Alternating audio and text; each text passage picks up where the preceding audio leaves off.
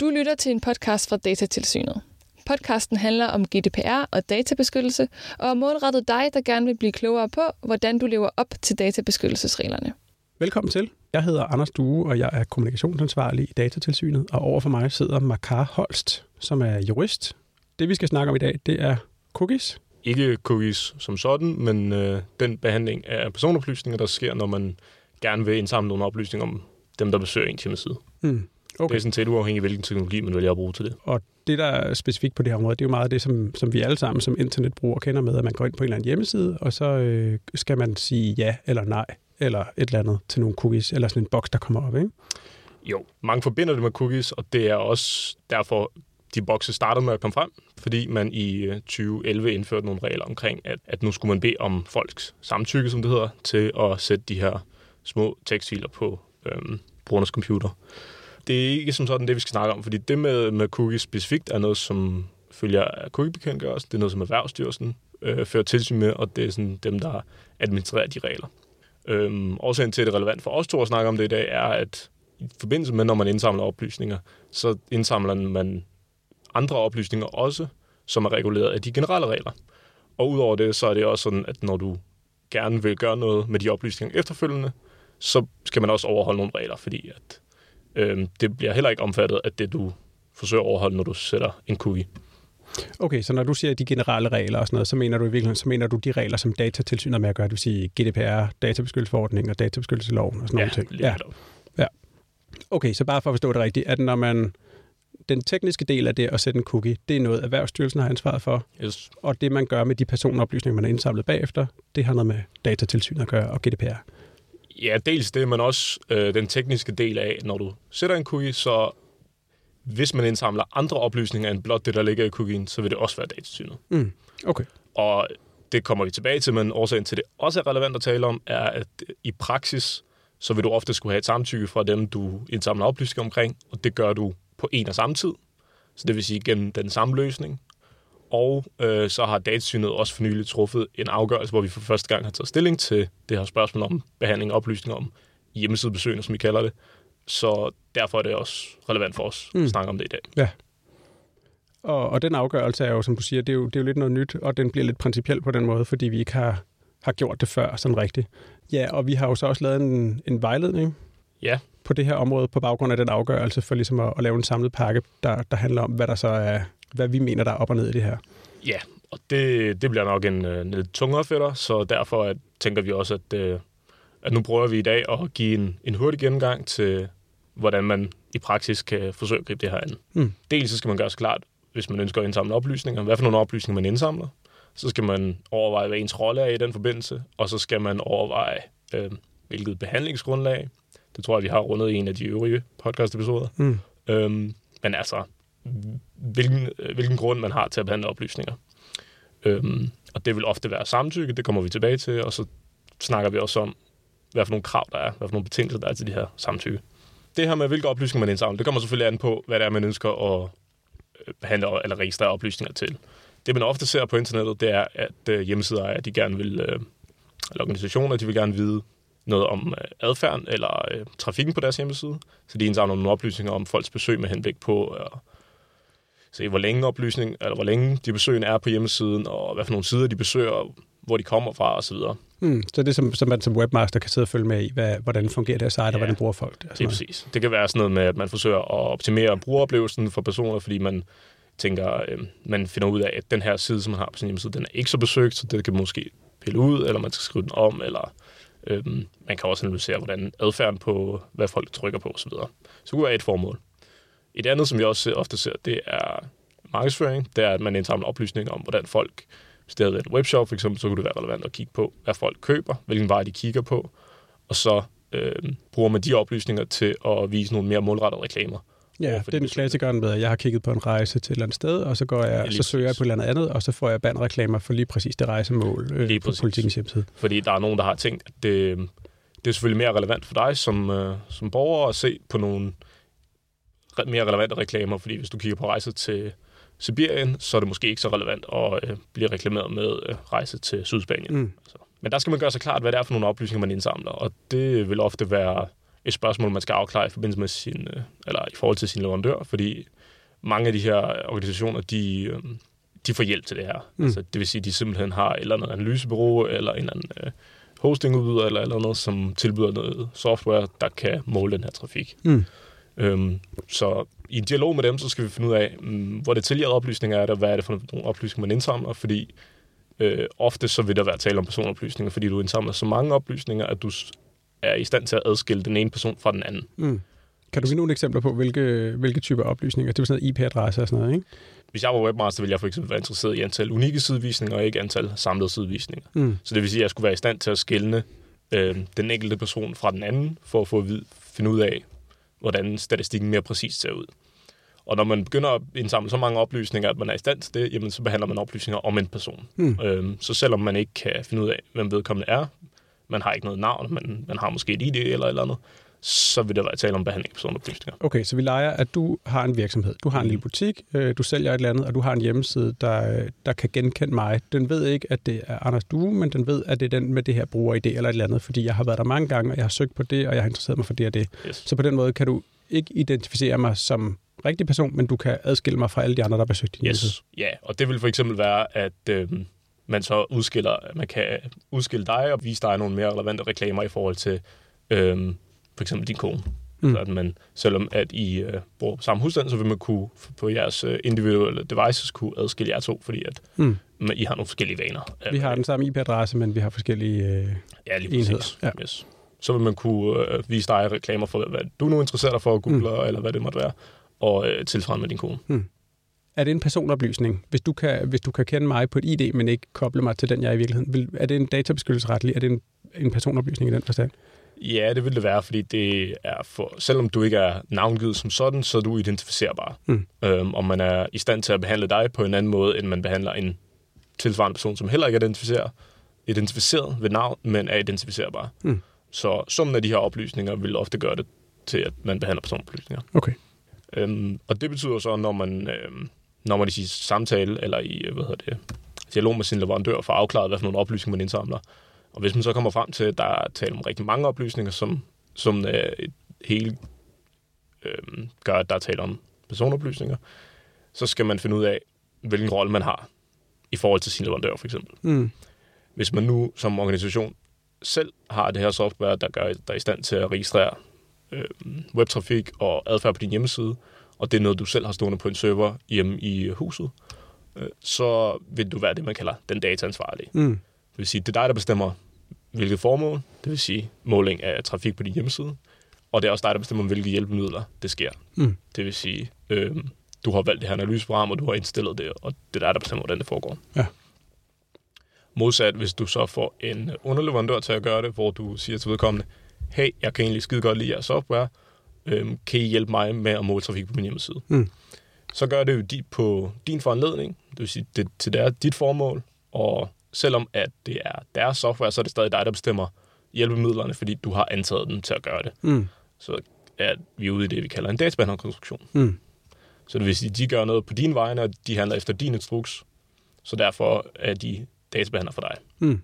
Og i den forbindelse, så skal du selvfølgelig være opmærksom på de krav, der følger til, når man bruger en databehandler, men det kan man læse mere om på vores hjemmeside og vores Mm. vejledning om Ja. databehandler og dataansvarlig. Ja. Det er noget, man skal kigge på i forhold til, hvad for nogle oplysninger du indsamler, og øh, hvor detaljeret billede du tegner af de Mm. personer, som du, øh, som du har med at gøre. Ja, på Datatilsynets hjemmeside, vi vil jo gerne være rigtig spejderdrengsagtige og ikke Mm. gøre noget her, øh, som på nogen måde kan, kan ses som forkert. Så kan man sige, vi, øh, der er jo et, et meget, meget simpelt statistikmodul i vores hjemmesidesystem, som ikke kan skille de enkelte brugere ad, men det er mere som om, der er en, en lille tæller på hver side, så hver gang en side bliver vist, så, mm. Så tæller tælleren en gang. Ikke? Så man sige, der kan man vel godt tale om, at vi er uden for de her regler, fordi at vi slet ikke kan identificere Altså, der er ikke en, man kan ikke følge en brugers rejse gennem vores hjemmeside. Man kan ikke sige, at hvis man starter her, så slutter man her, for eksempel. Vi kan kun se, at der har været så mange visninger af den her side, og så mange visninger af den her side. Ja, det var det, det, jeg nævnte før med antal unikke sidevisninger kontra antal samlede sidevisninger. Mm. Fordi når vi har den tæller, vi har, så betyder det også, når vores øh, kollegaer og medarbejdere i datasynet også bruger hjemmesiden til at vejlede borgerne, hvor de kan finde af relevant information, så tæller den tæller op, Ja. ja. selvom at det i princippet er den samme organisation eller den samme person, der tilgår mm. siden flere omgange, så tæller den bare op, fordi den netop Mm. ikke kan adskille den ene fra den anden. Men, men der kan vi vel godt, det bliver bare, hvis man skal trække en streg i sandet, så kan man sige, det er vel Ja, ja, ikke så- omfattet, så- vel? Altså, Vil der nok ikke være tale om personoplysninger, netop Nej. fordi den bare udiskriminerbar Ja. ikke kan skille den ene fra den anden og tælle op uanset. præcis. For at vende tilbage til det med ens rolle, Ja. så er der jo også en, øh, et tilfælde af, som vi nok ofte ser på internettet, at øh, man som organisation ønsker at bruge noget indhold fra en tredjepart. Og det kunne fx være, at man har en, øh, et øh, videoklip, som man embedder på sin hjemmeside, eller man har nogle social media knapper, som man ønsker at integrere på sin webshop, så folk kan lege en vare, eller hvad det måtte være, eller dele med dem, de kender øhm, så vil der ofte også ske indsamling af oplysninger i den forbindelse, fordi en del af det, du, at du integrerer de her knapper, så vil der, den udbyder af det pågældende modul, vil også ofte indsamle personoplysninger om, hvem det er, der interagerer med de her knapper, eller hvem der generelt bare besøger de her øh, hjemmesider. Mm. Så øh, der skal man være opmærksom på, hvis man integrerer sådan nogle ting, om der så bliver indsamlet oplysninger, som man bidrager til at bliver videregivet til.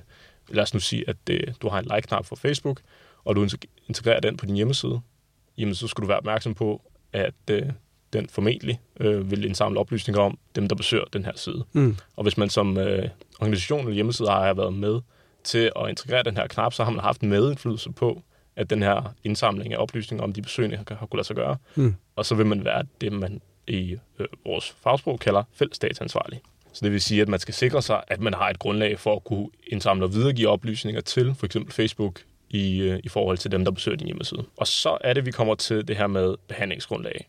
Der er det, øh, som vi tidligere har nævnt, at der er nogle generelle regler om, hvis du bruger cookies, så skal du have et samtykke til langt de fleste typer af cookies. Men når det kommer til behandling af personoplysninger, så er der nogle forskellige behandlingsgrundlag, som man kan bruge. Det kan være, fordi man skal opfylde en kontrakt. Hvis man er en offentlig myndighed, så kan det være nødvendigt for at udføre sine opgaver. Man kan også have en legitim interesse i at behandle de her oplysninger. Men når det kommer til internettet og den type af oplysninger, man indsamler, og den mængde oplysninger, man indsamler, så vil det oftest være relevant at indhente de registrerede samtykke. Fordi det vil være svært at påvise, at man har en legitim interesse, der går forud for de registrerede, når du er med til, eller for eksempel indsamler så mange detaljerede oplysninger om dem, at du kan tegne en detaljeret profil af, hvem de er. Mm. Så derfor vil det, hvis det vores opfattelse, være mest relevant at tale om, at man skal have de registrerede samtykke. Så det vil sige, egentlig kommer det til at gå hånd i hånd med det samtykke, man skal bruge, når man sætter en cookie, fordi man så gør det gennem en integreret indgang, og gør det øh, samtidigt. Så det vil sige i virkeligheden, det samtykke, man indhenter, når nu man så har sådan en samtykkeboks på mm. sin lille hjemmeside, det, så skal man i virkeligheden sørge for, at det lever op til cookiebekendtgørelsen, de regler, som Erhvervsstyrelsen administrerer, og så hvis man, hvis man vurderer, at man også skal bruge samtykke til behandling af personoplysninger efter GDPR, så skal man sørge for, at det samtykke, man får nu engang, er gyldigt og øh, dækkende for begge områder, så at sige. Lige præcis. Ja. Netop fordi, at samtykket også skal strække sig til at dække den videre behandling, det vil sige den registrering og analyse af de oplysninger, du indsamler, som du foretager efterfølgende. Mm. Og den som nogle andre. Altså jeg tænker, hvis folk kører med Google Analytics eller sådan noget, så kan man sige, det er jo, der er jo mange led i det i virkeligheden, ikke?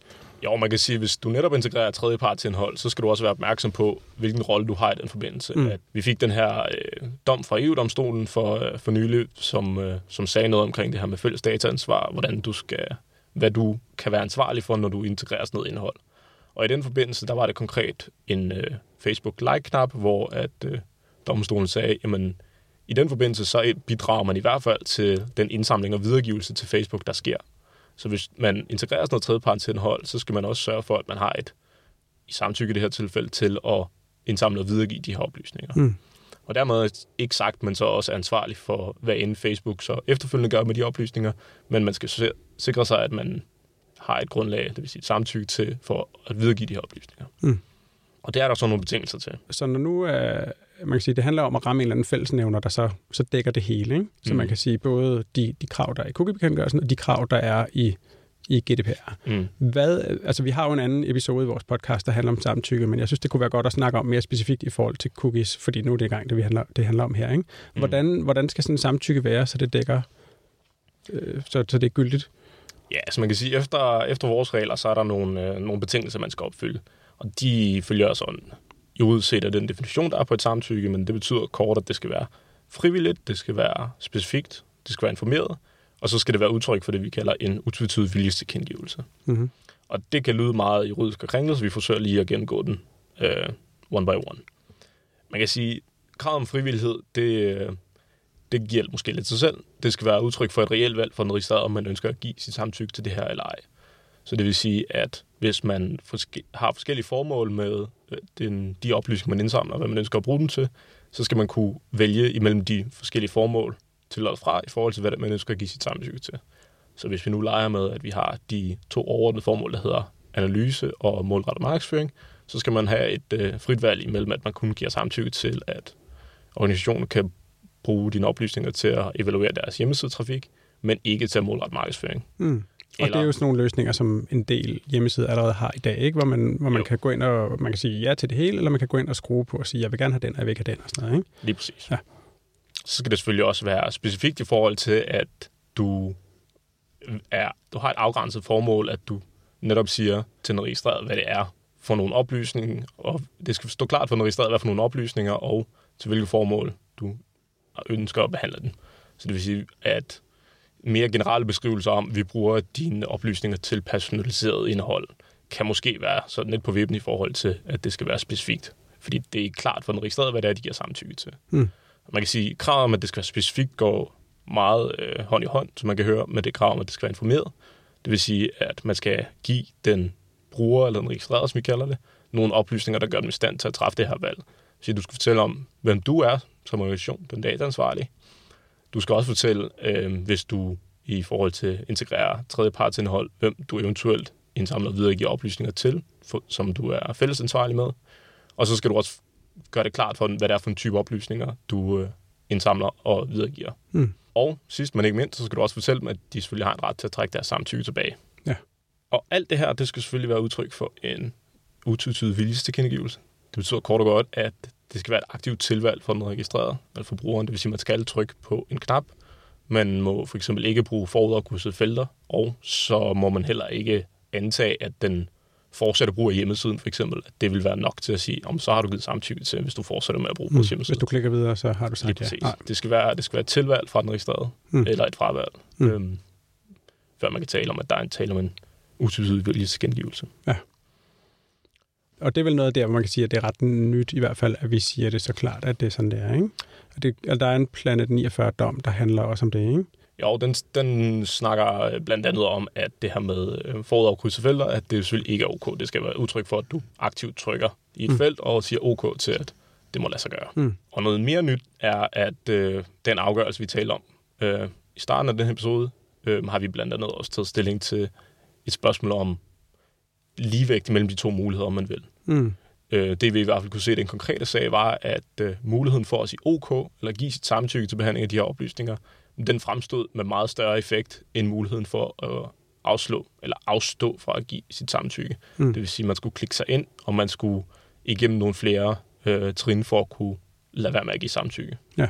Så i den forbindelse, der har vi øh, udtaget, at der skal være øh, den samme meddelelseseffekt. Der skal være en ligevægt mellem de to muligheder. Ja. Det vil sige, på den første side, man bliver præsenteret for, der skal være en det skal være lige klart for den registreret, hvad der er ja-knappen og hvad der er nej-knappen. Det tror vi kender mange af os, det der med, at man kommer ind på en hjemmeside, og så øh, er der en stor, fed OK-knap, OK og så er der en eller anden lille en, ja, hvis du virkelig vil, så kan du gå ind, og så, skal du, så har man en følelse af, at man skal igennem 20 klik for så at få lov til at sige nej, ikke? Ja, og i virkelig grælde tilfælde, så kan man måske endda få den følelse, at man det sted bliver lukket til at skulle trykke OK, fordi at mm. øh, nej-knappen, den er måske øh, i en farve, der næsten går i et med baggrunden, mm. hvad ved jeg. Ja. I vores, den vejledning, som også kommer her, der kan man sige, der er jo der giver du faktisk nogle eksempler på, hvordan sådan noget kan udformes, så vi synes, det er okay, ikke?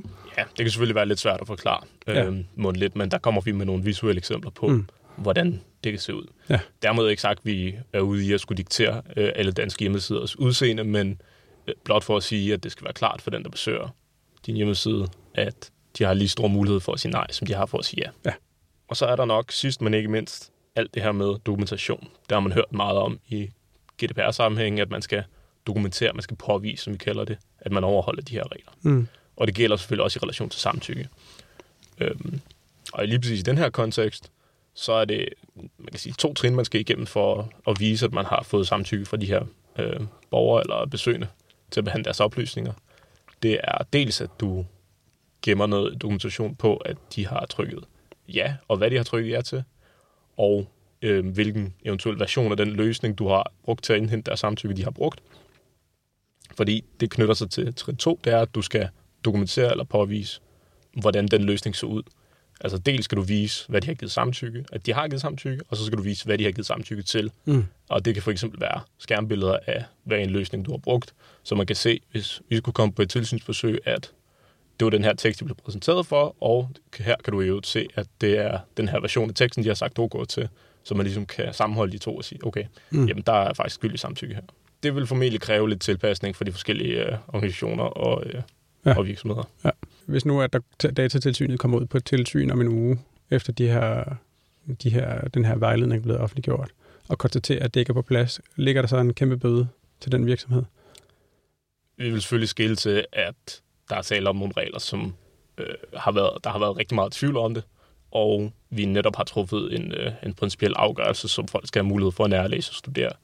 Så øh, jeg forventer ikke, at vi kommer på et besøg sådan lige forløb, men vi kan selvfølgelig ikke udelukke, at hvis vi får en konkret klage fra en borger om, at øh, en eller anden hjemmeside øh, har indhentet et samtykke, eller ikke har indhentet et samtykke, det skal vi selvfølgelig se på. Mm. Men i vurderingen af, hvilken sanktion vi, øh, vi vælger at gøre, gøre brug af, der har vi jo nogle forskellige værktøjer i kassen til mm. at kunne rette op på de her forhold. Ja.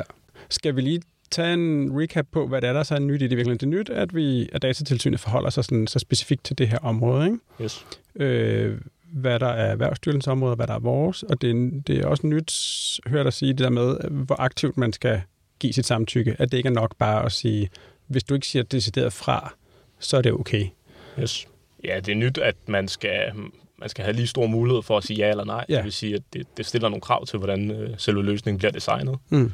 Øhm, og så er det delvist også nyt i forhold til, hvordan man opbygger de her samtykker, at man øh, i forbindelse med de krav, der ligger i, at det skal være øh, informeret, at man også giver den information til folk på et øh, stadie, hvor de, kan, hvor de kan læse den. Det vil sige, mange af de løsninger, øh, der er rundt omkring, de tilbyder måske, at man skal trykke to-tre øh, klik, øh, før man får den information, man egentlig skal have. At der er det også noget nyt, som vi også forholder til den, i den afgørelse, vi har truffet, at det skal mm. man blive præsenteret for umiddelbart. Ja. Hvis nu man så øh, har hørt den her podcast-episode og stadigvæk er i tvivl, så skal man vel læse vores vejledning om det? Så skal man læse vejledningen, og øh, særligt kigge i de eksempler, der er i vejledningen, hvor mm. vi forsøger at gøre det så illustrativt og klart for, for alle andre, som ikke er jurister, og som ikke mm. øh, nødvendigvis øh, forstår de her super komplicerede begreber. Mm. Øhm, men vejledning er jo selvfølgelig skrevet til, til det brede felt, både, både professionelle aktører, men også borgere og små og mellemstore virksomheder. Og til de sidste, der vil jeg nok øh, særligt henvise til de eksempler, hvor vi, øh, ja, dels så kan man kigge i, hvad man, så kommer vi med eksempler på, hvad man skal gøre, og eksempler på, hvad man ikke skal gøre. Mm. Det lyder godt. Og i sidste instans, så er man selvfølgelig velkommen til at ringe til datatilsynet også, hvis man er i tvivl. Det er man selvfølgelig. Godt. Tak skal du have, og tak fordi I lyttede med. Du har lyttet til en podcast fra Datatilsynet. Vil du have svar på flere spørgsmål om regler for databeskyttelse, så giv de andre episoder i serien et lyt, og besøg også gerne Datatilsynets hjemmeside, datatilsynet.dk.